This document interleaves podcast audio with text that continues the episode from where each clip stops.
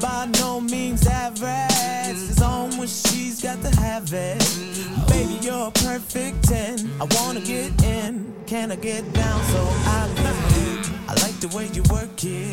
No diggity. I got to bag it up. Bag it up. I like the way you work it. No diggity. I got to bag it up. Bag it up. I like the way you work it. No diggity. För sällan går jag tillbaka till de gamla klassikerna, Peppa. Men nu är du här. Må, nu är jag här, nu är jag här egentligen, eh, igen, menar jag. Eh, no diggity. Alltså, det görs inte musik idag som det gjordes då.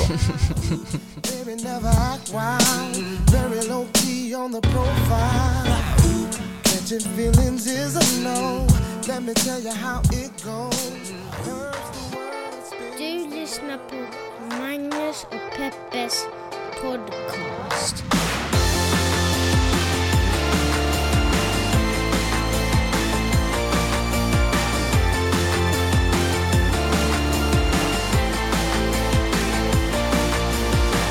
What's up kiddos? Hjärtligt välkomna till podcasten som heter Magnus och Peppes podcast. En podcast där vi pratar om stora och små händelser i världen och så gör vi det ur ett feministiskt, journalistiskt och mediegranskande perspektiv. Man hör när Peppe ler för då låter det så här. Det, det där är, vad heter det, asmr, vad heter det, AS, det där är. Ja, jag ler ljudligt. Det är väl Du- du borde- underbart. Du skulle kunna, du skulle kunna köra en sån här asmr, amser, whatever. Eh, Jag kan inte hjälpa dig. kanal. Bara... Ja. Nej men Magnus, I det där låter jag verkligen inte. Om ni undrar vad det är som låter i bakgrunden så är det Miley som spelar på en sån här Oculus. Så hon är inne i en annan värld, eh, vilket hedrar henne. För den här världen fucking suger. Så uh, I feel her. Inte min värld, Magnus. Är det sant? Suger inte din värld? Nej. Berätta. Men jag känner ju alltid att jag har världens bästa värld. Har- känner du alltid att du har världens bästa värld? Okej, inte alltid, Du lever inte inte i samma 100%. värld där eh, Kina håller på att mucka gräl och Ukraina Ja, men jag knas. Obehagligt medveten om det också, men jag tänker att två saker måste bara kunna existera samtidigt. Mm, är Här i mitt lilla mikrokosmos är allt bra, och sen är jag givetvis medveten om att det händer en massa skit ute i världen. Kanske det här är himlen och helvetet som alla pratar om. Kanske det pågår exakt just nu. The good place or the bad Ja, place. frågan är, har du fått vingarna eller har du fått hornen? Ja, men eh, ja, jag är nöjd. Du är nöjd. Bra. Eh, om du är så jävla nöjd kan du berätta lite om vad som har hänt under veckan. Har du, har du några stora nyheter att komma med? Jag, eh, nej men jag håller ju på att ge ut en bok, alltså inte romanen jag skriver på. Nej. Min eh, förläggare har fortfarande inte svarat på mina mejl, så att, Är det sant? Ja. Så du kanske skriver helt i onödan? ja, kanske det. Nej, du, hon har inte ens kan man läst... säga att den här podden så letar du också efter en förläggare? Ja, officiellt nu. Norstedts. Om ni inte- Nej men alltså, så här är det. det är in, jag skriver ju varje, en timme varje morgon mellan sex och sju jag upp, förutom Mm. på söndagarna då jag har jag fritid. Men... eh, För då ska man eh, hedra Gud och... Eh, Surfa. Ja, och surfa. Havsgudarna.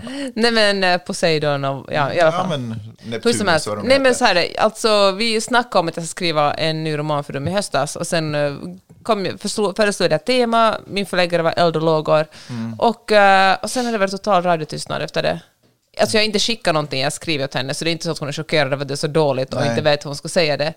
Och den kommer verkligen inte att vara i ett uh, Nu är tillstånd hon att mest visa... chockerad över att du tog det på allvar. Ja, hon vill bara vara snäll. Ja. Nej, men jag ska i alla fall ge ut en hästbok, den tredje i serien av Frank och Maja. Och eh, det blir väl jätteroligt. Just nu håller vi på att prata, Extra roligt också eftersom att Frank och Maja är på väg hit och Ja. kommer hälsa på oss om en vecka. alltså två andra personer, inte de jag skriver om. Nej, men det är ju faktiskt jätteroligt. Men eh, just nu håller jag på att snacka med mitt, mitt, mitt finlandssvenska förlag om titeln. Och eh, jag frågar också på Instagram och folk kommer De får ju jättebra... byta ut Majas namn.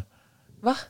jag skojar bara, fortsätt. I alla fall. Det vore ju skitroligt om man hade sett fjärde boken bara, vi har tänkt på, hon kanske inte ska heta Maja. Ja, Okej. Okej. Och I alla fall, så då, den är alltid lite kuslig den här boken. Det handlar om att en Maja, som är huvudperson, är lite rädd för att sova över och hon ska åka på ridläger. Och hon, Mm. läser, hon är inne i fasen när man läser en massa så här, läskiga böcker och har svårt att sova över hos folk för att hon är, hon är lite rädd för, mörkrädd. Mm, jag fattar. Och, eh, och då föreslog någon på Instagram att den skulle heta Galopperande mardrömmar. Du la ut en förfrågan på Instagram. Ja, Oj, men vadå, det är väldigt roligt. verkligen. Alltså jag säger inte att jag måste ta allas liksom, Det förslag. förslagen som vinner får det ett exemplar av boken. Men grejen är den att det gillar inte alls mitt förlag. Nähä. De tyckte att det är för abstrakt att säga galopperande mardrömmar. Mhm. Så de föreslog hästar och gastar istället.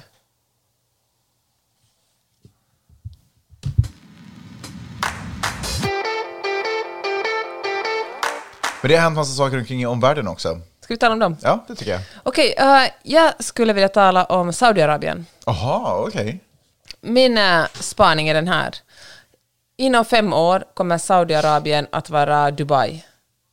Eller som vi Eh, ser på vad Dubai säger nu. du nu? Men så här menar jag, folk åker ju till Dubai Mm. och är sådär, speciellt folk från Norden och kanske resten av Europa också. Och är sådär, åh det är så härligt, tidsskillnaden är inte lika radikal som ifall man åker till Asien, till Thailand eller åker till Miami, Florida eller vart nu folk brukar åka på solsemester.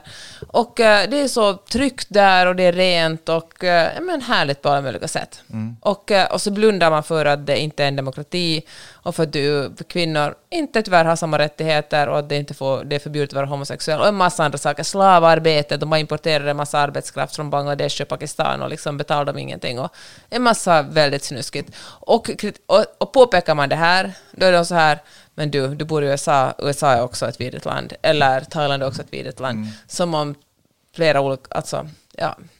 Och med mitt... Ja, eh, fast jag tror att det de säger, varför ska du få om jag inte får? Ja, fair enough. Och eh, jag tror att Saudiarabien, det vet vi ju redan nu att de satsar jättemycket på turism. De bjuder in influencers och försöker ordna, alltså ordnar, eh, eh, vill ordna stora så här hästtävlingar och har de gjort golfturneringar i samarbete med Trump och liksom sportswashing så långt det bara går. Och de kommer att göra samma sak med tv och film, alltså erbjuda jättestora studios så det ska bli lätt att komma dit och billigt att komma dit och spela in film. Helt enkelt skjutsar över så mycket folk som möjligt och, och erbjuder liksom, att det är ganska trevligt där. Och, och på något sätt gör det så pass eh, trevligt att folk aktivt väljer att blunda för de hems hemskheter som sker där. För att om eh, Förenade Arabemiraten är en icke-demokrati och en ganska vidrig plats för många så är Saudiarabien hundrafalt värre. Alltså de har ju journalister och inte minst den här Khashoggi som bara styckades i bitar. Som var en, ja men det vet alla vem det var, han var liksom en, en, en journalist som skrev för bland annat Washington Post. Hur som helst, och eh, ja men där får ju, alltså kvinnor har ju knappt några rättigheter, det finns ingen yttrandefrihet. Det finns, nu läste jag senast idag faktiskt om en, en man som på inget sätt var aktivist eller, eller politiskt aktiv, eller in, alltså en vanlig dude liksom. Och han eh, var, hade brittiskt medborgarskap och, och saudiarabiskt medborgarskap. Och så hade han svarat på en tweet och någonting om, om, äh, om kronprinsen, MSB, MBS. Ja, någonting sånt. Ja. Och eh, bara liksom en ganska, alltså sagt att han har fått mera med, under de senaste åren har han fått jättemycket mera makt. Typ en ganska så här, en tweet som ändå ha- handlar om fakta, det var inte liksom en hånfull tweet, det var inte liksom en bild på honom, utan det var bara en, en tweet. Ja. Och eh, för det här fick han först 16 års fängelse, och sen hade han överklagat domen och det lät han fick 19 års fängelse. Oj. Alltså, lagarna har blivit, det har alltid varit ett strängt och vidrigt land, men det är bara ännu strängare nu mot journalister eller vem som helst som kritiserar regimen. Och det är ju såklart för att eh, västvärlden ska se med så positiva ögon som möjligt på Saudiarabien och börja skicka pengar dit, skicka människor och pengar dit. Ja.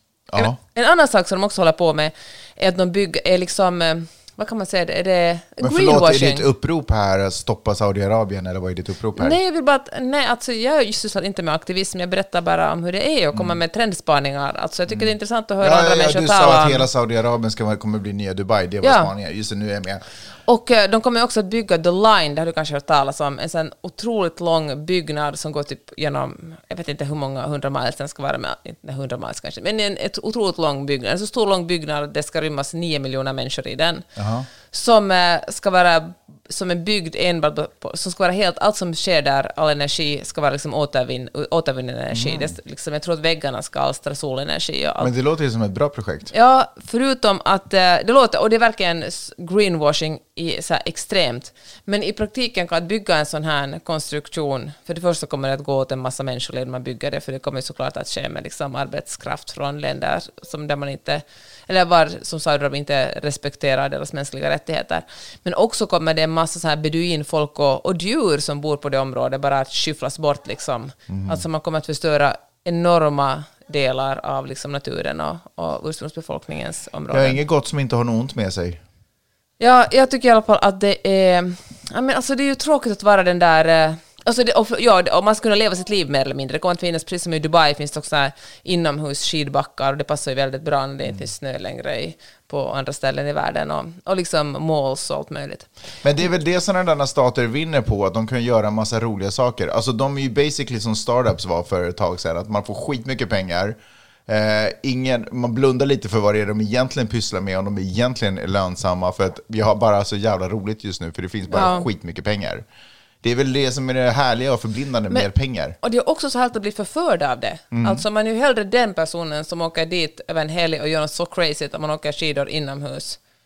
Istället för att vara den här tråkiga personen som sitter och säger men har ni tänkt på mänskliga rättigheter, har ni tänkt på klimatet liksom? Ja, det är ju tråkigt att, eh, det, att göra det rätta har så jävla dålig PR-byrå. Ja, faktiskt. Ja, men ehm, som sagt, Saudiarabien, ni vet var ni hörde det.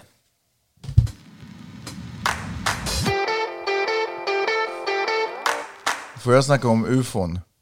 Nej, Ja, Okej, då har jag ingenting att prata om. jag ska inte ska tala om det. Nej, men jag skulle vilja prata om ufo, men jag skulle också vilja prata om frustrationen i att jag inte riktigt vet vad som är dokumentär nu för tiden. Eh, jag sätter på eh, en anständig tv-kanal eh, och jag tittar på någonting som presenteras som en dokumentär. Men, jag, men, men jag lever i en tidsålder. Alltså en gång i tiden, då kom en dokumentär på och så, och så var Arne Weise pratare och så visste jag att om eh, fjällräven drog ner i grytet och gjorde sin grej, så då visste jag att det här var på riktigt. Det här var fakta jag fick reda på om fjällräven. Men nu när jag sätter på en dokumentär så är inte Arne Weise där, utan det är någon annan förförisk röst eh, som talar om för mig saker och ting. Jag är inte helt säker på att det är sant. Eller jag vet inte ens hur jag ska dubbelchecka det här. Och jag pallar hålla på och gå och kolla igenom eh, sluttexten och se vilka som står bakom den här, om det är Föreningen för UFO-främjande eller vad fan det än är. Liksom. Vet du vad, det där är jätteintressant, jag tror vi har talat om det flera gånger i podden, men man får ju inte blanda ihop dokumentärer med journalistik. För att du sa den här dels det, men också bara... Ja, förlåt. Nej, men jag tänker så här att, att är det en respektabel journalistisk eh, enhet, eller ett mediehus, då finns det ju faktagranskare där. Det är ju, är ju ganska ovanligt för tiden i Finland och Sverige, men i USA har ju alla stora mediehus faktagranskare som kollar att stämmer det här. Och får de in någonting fel så går de ut med en korrigering. Men eh, dokumentärer, alltså till och med natur, alltså David Attenboroughs dokumentärer, där lockar man ju fram djuren på det ena och det andra sättet. Alltså, Absolut, ju- och vissa saker gjordes i studios med... Ja. med absolut, 100 och procent. det kan ju ändå vara liksom på något sätt en beskrivning av verkligheten. Exakt, det är ju skillnaden. Men jag tycker ändå att man ska se dokumentärer som underhållning främst. Och Ja, men är man, dokumentärer är ju dokument från verkligheten. Det är ju det det ska vara. Det ska ju på åtminstone reflektera, oavsett vem som har liksom klippt och klistrat i det, så är det ju åtminstone ett dokument från den riktiga världen.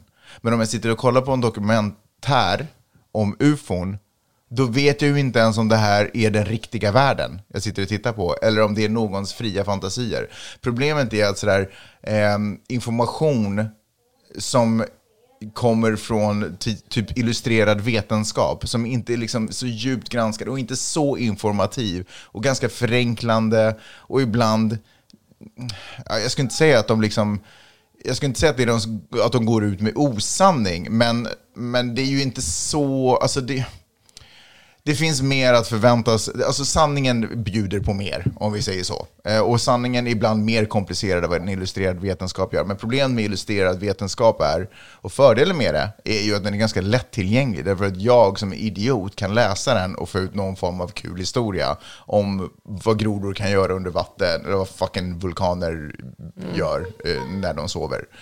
Eh, men allting har liksom i, eh, har eh, illustrerad vetenskapifierats. Så allting blir liksom tillgängligt. Den här duden som sprang runt och hade någon dokumentärserie inom situationstecken om eh, eh, apokalypsen och bla bla bla och vad som har funnits på jorden tidigare och vad underligt att det finns så här stora stenar uppresta. Det måste betyda att det kanske finns jättar. Alltså, när allting blir liksom förenklat eh, för att det, det passar in i ett narrativ som är väldigt mer, som är mycket mer besläktat med underhållning än det är med fakta.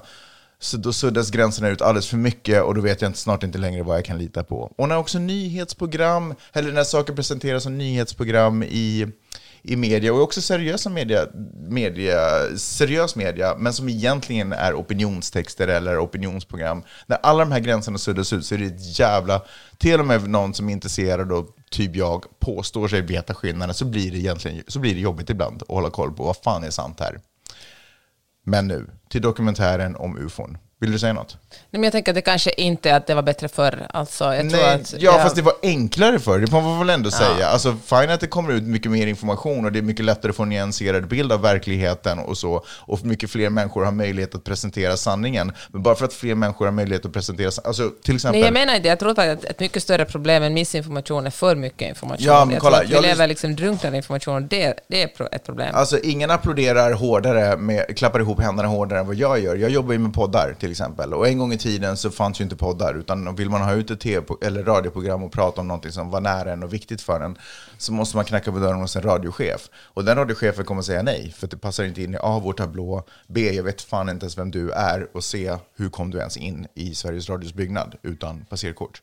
Medan nu så är det ju möjligt för mig som har ett specialintresse i vad fan det nu än kan vara. Att liksom bara berätta om det. Så det är ju förstås en bra utveckling. Men bara för att det finns möjlighet för en person med vett i huvudet att göra det så betyder det inte att alla som har saker och ting att säga har vett i huvudet. Men jag menar, alltså det är Ja. exakt min poäng. Jag tänker så att dokumentärer måste tyvärr ses som underhållning. Ja. De kanske har några kronor fakta, men de är, alltså, det är ofta en person som vill göra en dokumentär om någonting och det kommer ur den, den persons vinkel.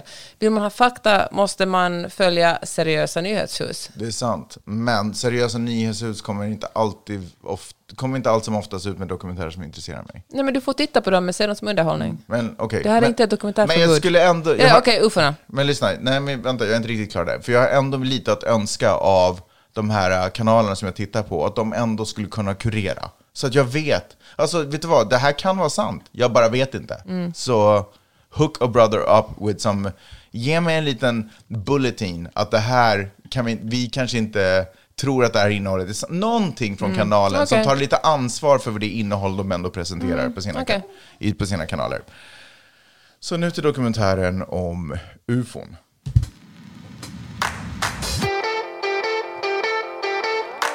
Alltså är det inte sjukt fascinerande? Alltså jag har ju levt ett liv, eh, ett helt liv, där jag tänkte att ufo, schmufo. Eh, alltså, fine att det kanske, att någon någon gång har sett någonting i luften som den inte kunde identifiera. Hence, unidentified flying object. Men att, det, att därifrån dra parallellen till att vi är besökta av extraterrestriala terrestriala världar från andra galaxer och att de skulle ha ett intresse av jorden, gott eller ont, eller undersökningssyfte. Dit har jag liksom inte riktigt kunnat ta mitt tankespann. Men jag sitter och tittar på den här dokumentären som då påstår sig vara eh, någon form av... Eh, alltså materialet de har att jobba med kommer av att Pentagon ganska nyligen släppte jättemycket classified material.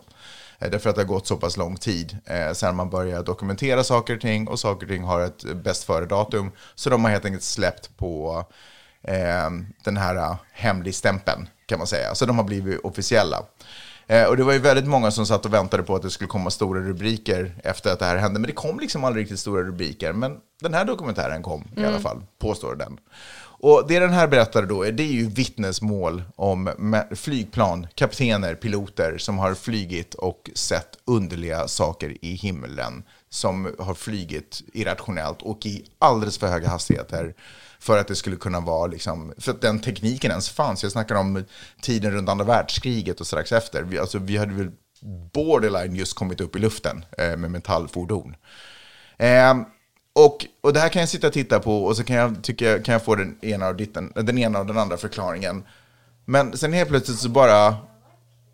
Alltså, va? Vänta, vad, alltså vadå? Har piloter under alla år sett underliga flygande saker uppe i luften? Vad är det för underliga flygande saker? Alltså jag kan inte komma undan bara den grundtanken. För sen går de ju vidare och det är förstås massa intervjuer med folk som påstår sig vara avhoppare ditten och avhoppare datten. Eh, som presenterar massa saker och förklaringar till varför man har hemligstämplat och bla bla bla och bla bla bla.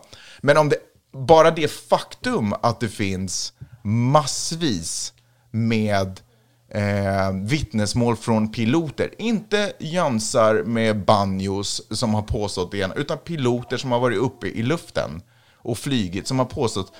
Då, alltså, vad är, alltså finns det på riktigt alltså, ufon? Alltså flygande farkoster, oavsett vilken planet eller var den kommer ifrån. Men finns det flygande saker uppe i vår luft, alltså i luften, som vi inte känner till? Som åker snabbare och i ett mönster som vi inte riktigt kan hänga med på.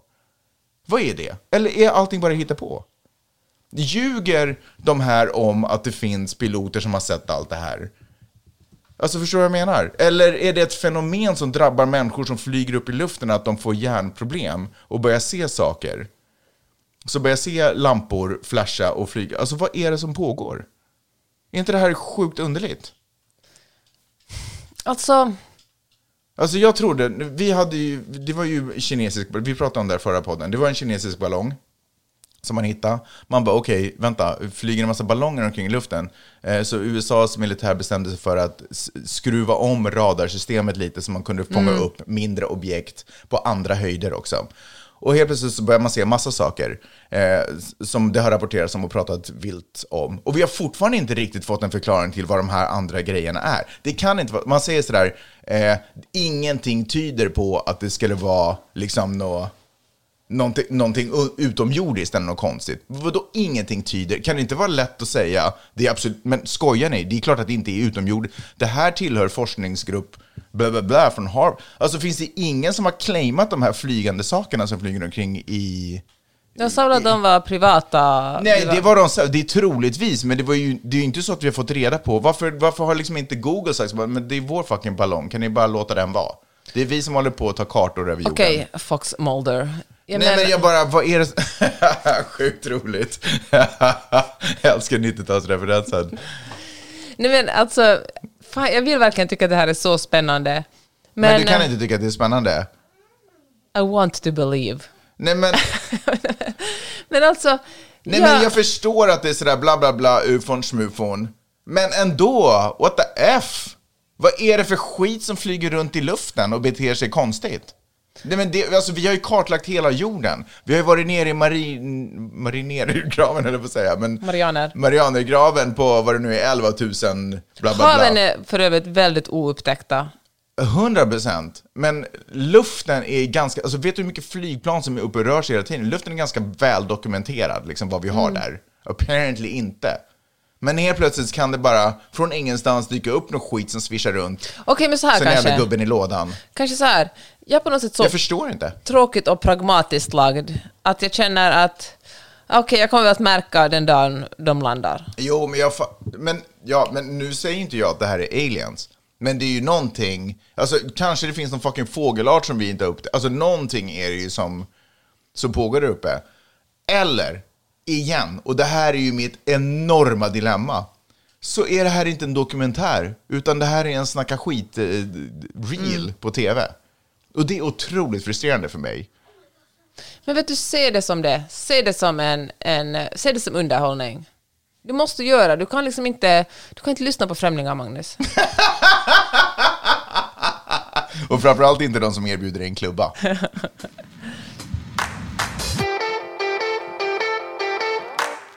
Jag, eh, jag läste en artikel om, eh, eller jag är inne i Kina just nu, alltså inte fysiskt, Uff, men, eh, vet du hur emot jag är i Kina nu för tiden? ja, men du kan få tala om det. Oj, oj, oj, ja, men, oj. Vi är väl alltid emot Kina? Nej, så- men alltså nu, alltså de håller ju på att spela som en jävla fiol Ja. alltså. Vi måste stänga, alltså vi måste bara upphöra att ha kontakter med dem. Stänga av alla appar, allting.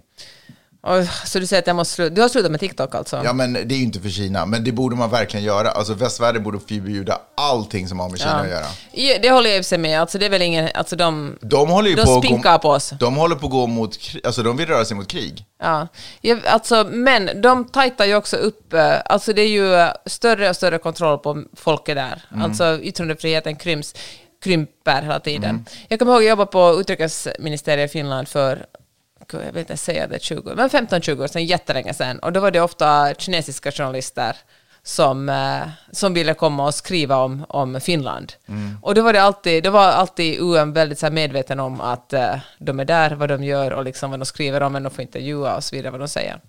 Hur som, så, alltså det är inget, såklart ingenting nytt. Men du vet det systemet, som, det dystopiska systemet som man läser om ibland, att man får poäng beroende på hur man uppför sig.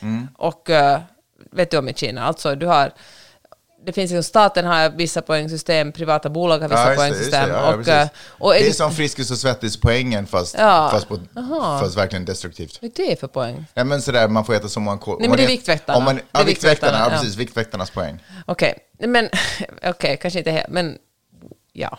Alltså poängsystem. Jag gav ett exempel på ett poängsystem. Nej men typ så här, om du, det här är ett exempel i verkliga Nej, men. Om du stjäl elektricitet av någon, Vi kan gå vidare. då får du minuspoäng. Ja. Och då kan det vara svårt för dig att till exempel få ett lån. Ja. Eller om du... eh, Det men- känner jag att det är ganska globalt i och för sig just Ja, det. okej, okej. Men om du... eh, Jag tror att folk som har åkt fast för att stjäla elektricitet från grannen, jag tror att de generellt har svårt att få lån. Jag tror Okej. att det är, där, det är början till varför de stal elektricitet in the first Okej, place. det var kanske ett dåligt ex exempel då. Men så här, om du, om, men om du däremot eh, donerar pengar, i en stat till exempel får alla tusen poäng till att börja med. Alla fattar poängsystemet, älskling. Gå vidare. Nej, men grejen är den att jag har trott att det är ett statligt system, men det är det alltså inte. Nej. Utan eh, det är ett väldigt lokalt system. Det en finns ett, score, liksom. Ett statligt system, så finns det lokala system, vissa städer har sina egna system, vissa företag, Alibaba som är typ Amazon, har sitt eget system. Mm. Alltså det finns en massa olika system. Kommer du ihåg när vi talade om covid i Kina? Om eh, hur det finns ett system på det, du måste, alltså din Ja, telefon... du får en green light, red light. Ja, men precis.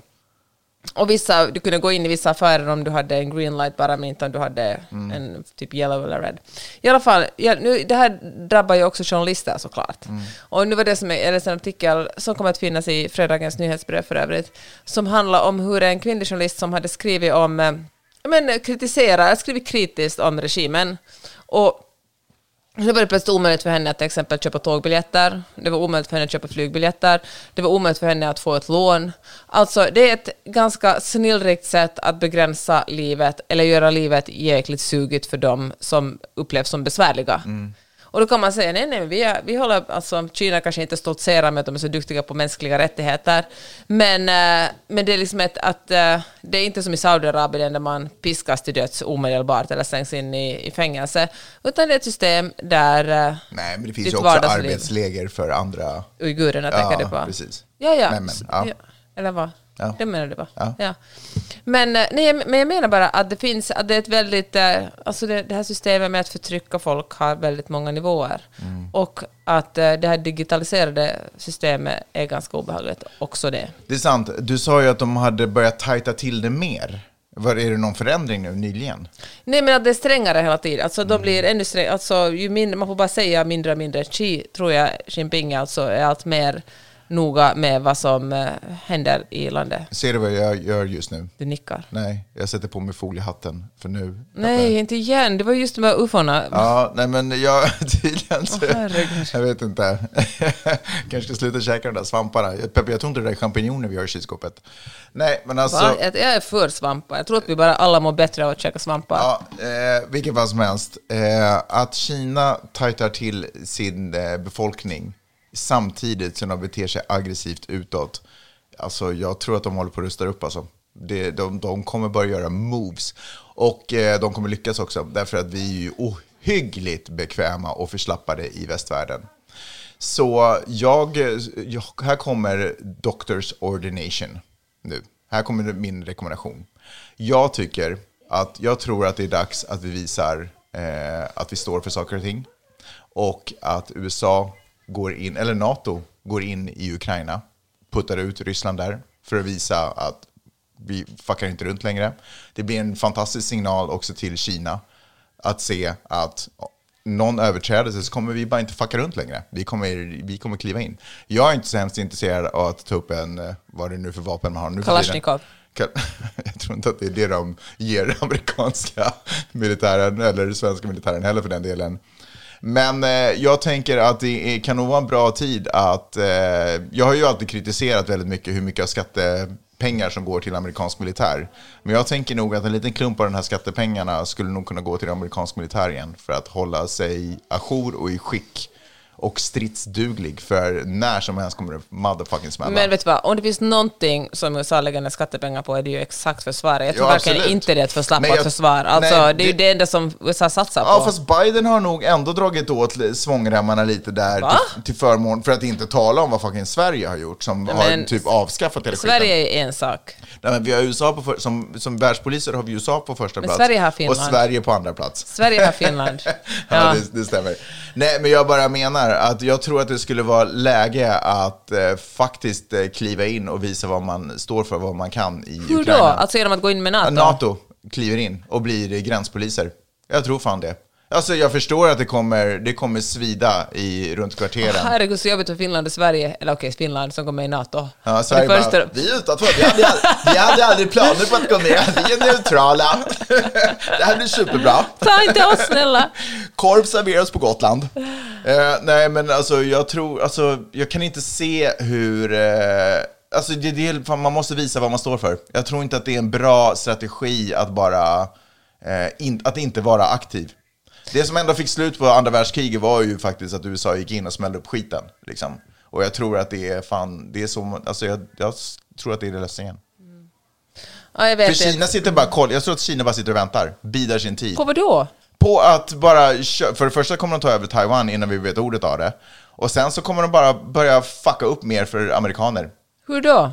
Vadå hur då? Hur kommer de att fucka upp det för amerikaner? Ja, för det första så har de ju ägnat sig ganska länge åt att demoralisera hela, hela den här nationen med... Vet du vad? All kredit till Kina, men jag tror att USA sköter det ganska bra själva. alltså, ja, det, det är väl i och för sig sant, men jag, alltså, nu, när jag börjar, tänka- alltså, nu börjar jag känna att det är ju kanske inte bara internt det kommer ifrån, utan det är liksom utrikiska krafter. Ja, okej. Mm. Alltså, jag säger inte att Kina inte är inne och petar grejer, men uh, alltså jag tänker Eller att, Ryssland, jag tror att de går ju ganska hand i hand. Det är ju samma... ja, Liksom, men Kina känns, känns ju ändå lite proffsigare. Alltså, Ryssland känns otroligt primitivt. Ja, vi får se. Jag, och tror att, känslostyrt. jag, jag vill att Harrison Ford ska spänna sitt eh, buckle igen, sätta in, ladda revolver, sin sexskjutare, sätta dem i hälstret, ge sig ut i världen och styra upp det här. Harrison Ford? Ja, I vilken film då? Eller någon annan cool, cool hjälte. Harrison Ford är från- 200 år gammal. Men jag menar män från tiden då skit blev gjort. Åh här, åh gud vad jobbigt. Alltså Magnus, du har gubbifierats.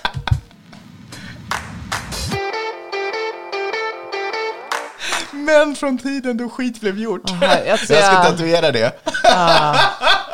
Alltså vi har ju en, vi har ju en kompis kompis som är hobbytatuerare Ja. och eh, jag liksom... Jag hoppas att han lyssnar och vet att han är ändå andra gradens kompis. kompis, Nej men, kompis! nej men så här, vi, det är ju hur mycket, alltså ni hörs ju inte direkt, eller vi hörs ju inte direkt med, med Nej, det- vi gillar ju dem, de är väldigt roliga, gillar Henrik, och det är Henrik som Ja. är hobbytatueraren.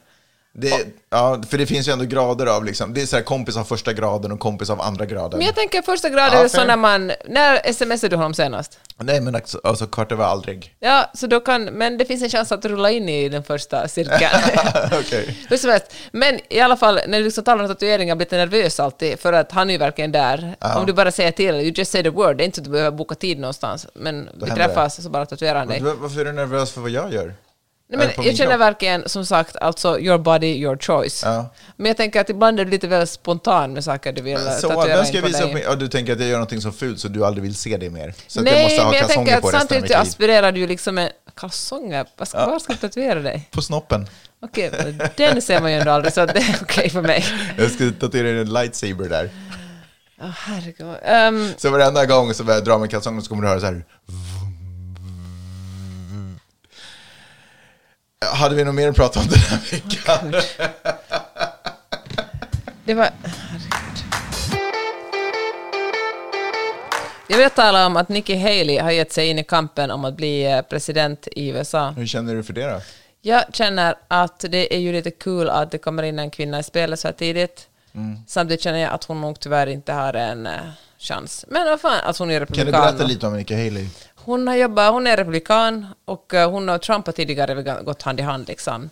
Men eh, det kommer nog inte, de kommer nog inte att göra det. Hon, hennes presidentkampanj, eller början på hennes presidentkampanj gick hon ut ganska tydligt och sa att hon tycker att han är gammal. Eller hon nämnde absolut inte Trump, men hon insinuerade att det är dags för en ung och fräsch människa. Just det, och hon var ju plus 50 och det fick hon lite skit för i The View en gång. Jaha, är det gammalt alltså? Nej, men nej, det är det väl inte. I amerikansk politik är man ju liksom... Men alltså hon den här, vad Hon heter varit FN-ambassadör för USA. Men du, säger, ja, men du säger att det är kul att en kvinna kommer in i matchen, men hon den här eh, som var före, Trumps förre pressekreterare också, vad heter hon? Sarah Huckabee Sanders. Eh, hon har ju varit med ändå in i, liksom, eller? Är inte hon, Nej, eh, hon aspirant på presidentskapet? Ja, men det spekulerar man ju kring. i alla fall. Men hon har ju verkligen inte gått ut med det. Skillnaden är att. Nikki Haley verkligen har gått ut och sagt att hon vill bli president.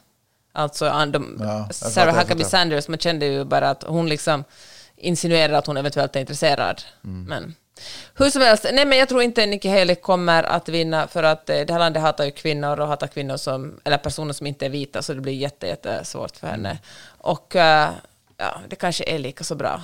Det kanske är lika så bra. Han, eh, förlåt, nu kommer jag inte ihåg vad Florida-guvernören, han som egentligen... Ron DeSantis. Ron DeSantis, han har ju fått lite motstånd också från, in, från internt. Eh, därför att han påstås använda liksom, partiets pengar för att driva igenom eh, lokalpolitiska... Eh, Men det, går, det går väl i linje med, tycker jag, det programmet. Men vet du vad, han leder ju över Trump. Det är sant. Eh, han har ju 53 procent, men faktum är att också Biden leder över Trump Mm. idag. Men jag kollade på Fox och de har en ganska bra point när de säger att Trump har ju knappt ens varit ute. Mycket kan hända och ändras när Trump på riktigt börjar vara ute och prata och säga vad han tycker och tänker och saker och ting. Så sant. Han har ju inte ens gett sig in i beefen med till exempel DeSantis. Ja, lite håller jag på. Jo, men förstår du vad jag menar? Alltså, liksom när, när, det, när skiten har träffat fläkten, då tror Sant. jag att vi kommer se helt andra sorters siffror. Men vet du vad jag tror? Nej. Jag tror att det är också ett misstag att gå ut så här tidigt. Jag har ju länge varit den som har sagt att Ron DeSantis kommer att bli nästa Republikanernas presidentkandidat.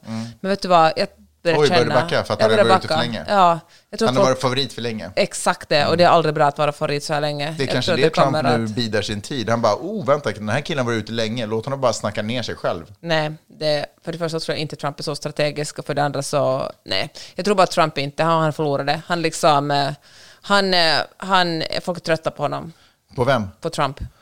Eh, jag tror absolut inte folk är trötta, på Trump. Jag tror att eh, det kommer, alltså jag har redan beställt popcorn. Eh, jag har köpt en projektor så vi ska kunna titta på de här debatterna på storbild. Han kommer att vägra debattera. Det kommer Han- inte att finnas några debatter. Nej, nej, men, men skitsamma debatten, men de här, när han börjar slänga ut sina gliringar och när, när det börjar komma, när det här osportsliga spelet, det som jag läng- Mm. du vet det som hela tiden var Demokraterna, Republikanerna, kommer ju nu vara en underbart underhållande serie att Mm, följa. invärtes i som är en intern republikansk Mm. grej. Så, och, det kommer, och det ska bli också otroligt roligt att se vad Fox kommer välja, vilken linje de kommer gå på och vem de kommer lite sådär supporta och ha för. För de har ju alltid varit för Trump. Men vad händer nu med Ron DeSantis? Och vad kommer, Läste du förresten- kommer de att sänka Trump eller vad kommer de göra? Att det har nu ähm, läckt eh, sms och diskussioner som eh, Fox News opinionsbildare har haft under eh, förra valet. Mm. När Donald Trump gick ut och sa att valet var riggat så diskuterade de här eh, opinionsjournalisterna sinsemellan om att det här är absurt och det Ja. stämmer såklart inte, han är ju galen. Allt ifrån Hannity till Tucker Carlson till alla, alla snackar om det. Till och med Murdoch som äger hela Mm. nätverket. Och eh, ja, men ingen trodde på honom, men ändå gick de rakt ut och ljög för sina tittare, för Mm. det gav de bästa tittarsiffrorna. Så otroligt cyniskt. Ja. Så fruktansvärt Det är cyniskt. synd att det inte rapporterades, rapporterades om det på Fox, utan det var bara andra kanaler som rapporterade om det. Jaha, är det så? Ja, såklart. Men du, eller vad fan vet jag, jag antar det. Det är jättekonstigt om de skulle rapportera om själva att de har ljugit. det är jättekonstigt. Men apropå äh, saker och ting som har läckt så har ju det också läckt dokument från Putins äh, Jaha, skrivbordslåda. det visste jag inte om. Eh, som visar på planer att ta över Belarus. Det är ju lite jobbigt för, eh, vad han nu heter, den där galna presidenten i det landet som har varit hans lilla puppet under hela den här Jaha, tiden. det, berätta, var läste du det? Ja, det var Expressen som hade, det var någon så här, det är ett journalistiskt nätverk som eh, hade grävt fram det här som Expressen hade fått ta del av. Som, För Lukasjenko har ju till och med gått med och sagt att han kommer att, liksom har varit väldigt positiv att ryssarna har fått gå igenom Belarus ja, ja, precis. och... Ja, men det här är ska ganska nytt. Jag tror att det här läckte nu. Jag tror att det här kom, jag tror att typ Lukasjenko läste det Expressen själv. Typ. Jaha. Han bara, what the F, vad är det här för några grejer? Så han har ju börjat beordra lokala städer, alltså så här småstäder, att börja rusta upp Jaha. för ett gerillaförsvar. Eh, Så, men- de, så Belarus börjar svänga sig mot Nej, Ryssland? fast än så länge så är ju ursäkten att ukrainarna ligger så nära Belarus gräns att Mm. de försöker liksom sådär. Men vad jag förstått så, så ska det börja rustas upp, eh, liksom, vad heter det, hemvärnet liksom ska börja Och. Moldavien är väl också lite illa ute? Alltså, det är ju jobbigt. Och Georg- Georgien ställer ju sig emot, eller deras president, alltså folket i Georgien är ju emot Mm. Ryssland, men deras president ställer sig lite på Rysslands sida. Ja, vi får se vad som... Nu bara listar vi allt vi vet om den regionen. Ja, alla länder, vad kan vi mer? Tadzjikistan säger att... Spännande. Jag vet inte om det kommer påverka utvecklingen på något sätt, men jag, jag tror att Lukasjenko och Putin har ett, ett intressant samtal. Jag tror att Lukasjenko är ändå sådär, eh, du, jag läste en grej i Expressen. Putin bara, eh, bry dig inte om Expressen, det här är lugnt, jag har det här. Gör som jag säger, bara packa ihop dina grejer så drar vi. Eh, ja, men det ska bli kul. Alltså, det händer ju ganska mycket i världen. Det är ju ändå en ganska intressant tid vi lever i, det får man väl Mm. ändå säga. Hör du, innan vi slutar den här podden får jag komma med, komma med några livsråd? Nej, men jag skulle också vilja bara prata om att, eh, att Biden drog ner till eh, Kiev plötsligt. Ja, men säg det då. Okej.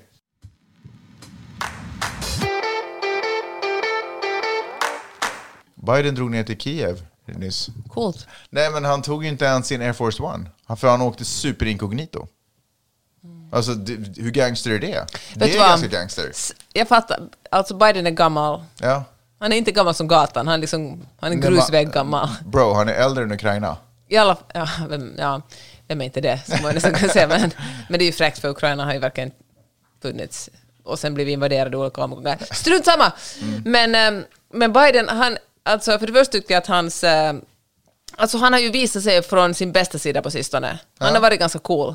Alltså State of the Union, ganska bra snack Det missade jag ändå. lyssna på. Däremot hörde jag talet som han höll i Polen idag. Ja, men alltså State of the Union, där kunde han liksom, folk ropade i saker åt honom och han kunde bara slänga tillbaka kommentarer. Så och, häcklar, han var Ja. en stand-up comedy-grej. Men han, var, han gjorde det faktiskt med stil. Ja. Och bara dra ner till Kiev. Alltså du var ur funktion i tio dagar efter att du kom hem från Sverige. Ja. Medan Biden, 370 år gammal, drar ner till Kiev, håller tal i Polen, tar inte ens in liksom, åker economy Ja, med, Okej, det tror jag kanske inte hur jag gjorde. med sina pilotglasögon.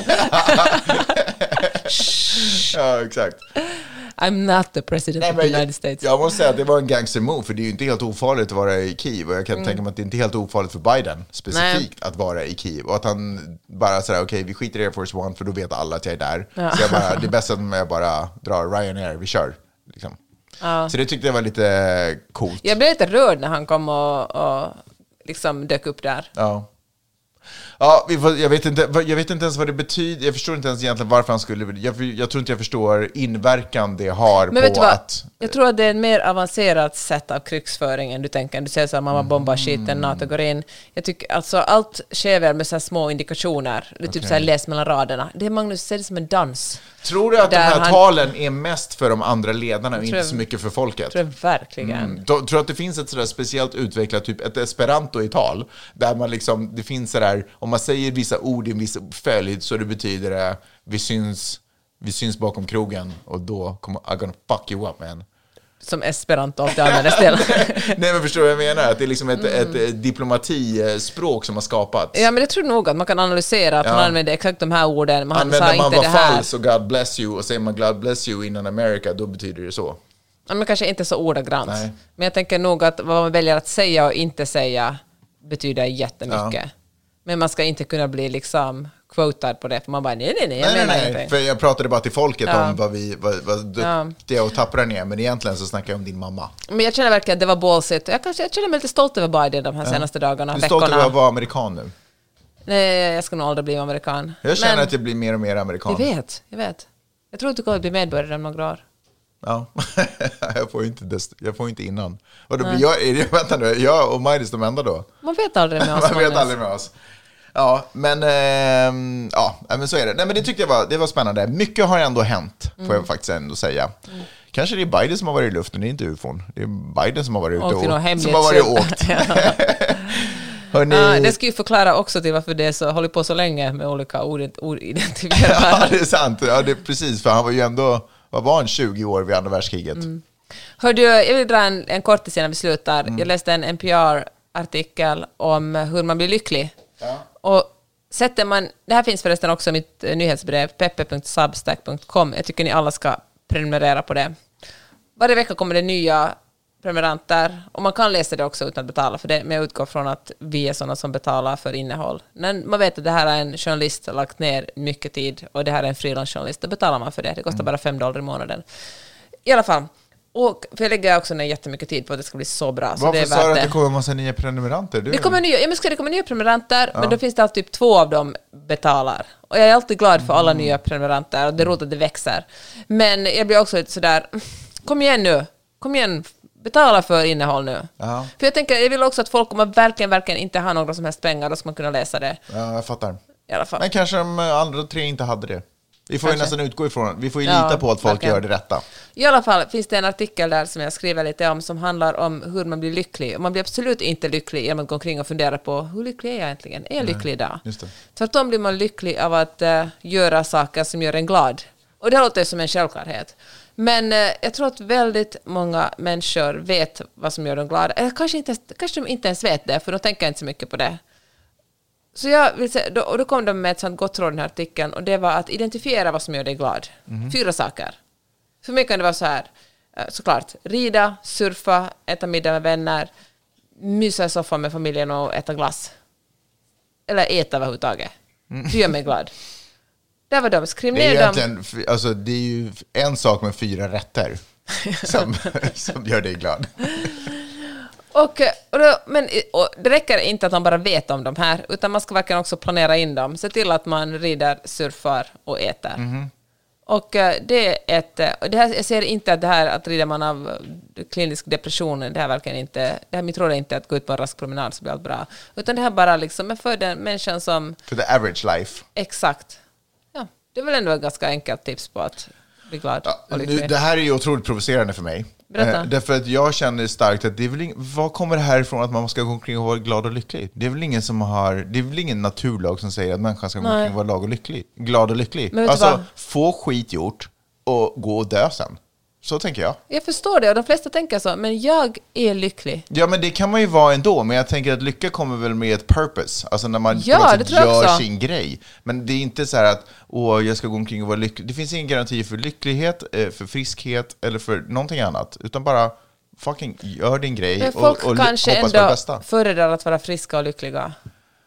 Ja, ja, men det är klart att man gör, men jag bara menar att det, oh, whatever man. Okej, lycka till med er resa. Whatever bro. Jag tycker så här, eh, vi hörs om en vecka. Det gör vi. Ha det Hejdå! så bra! Hej!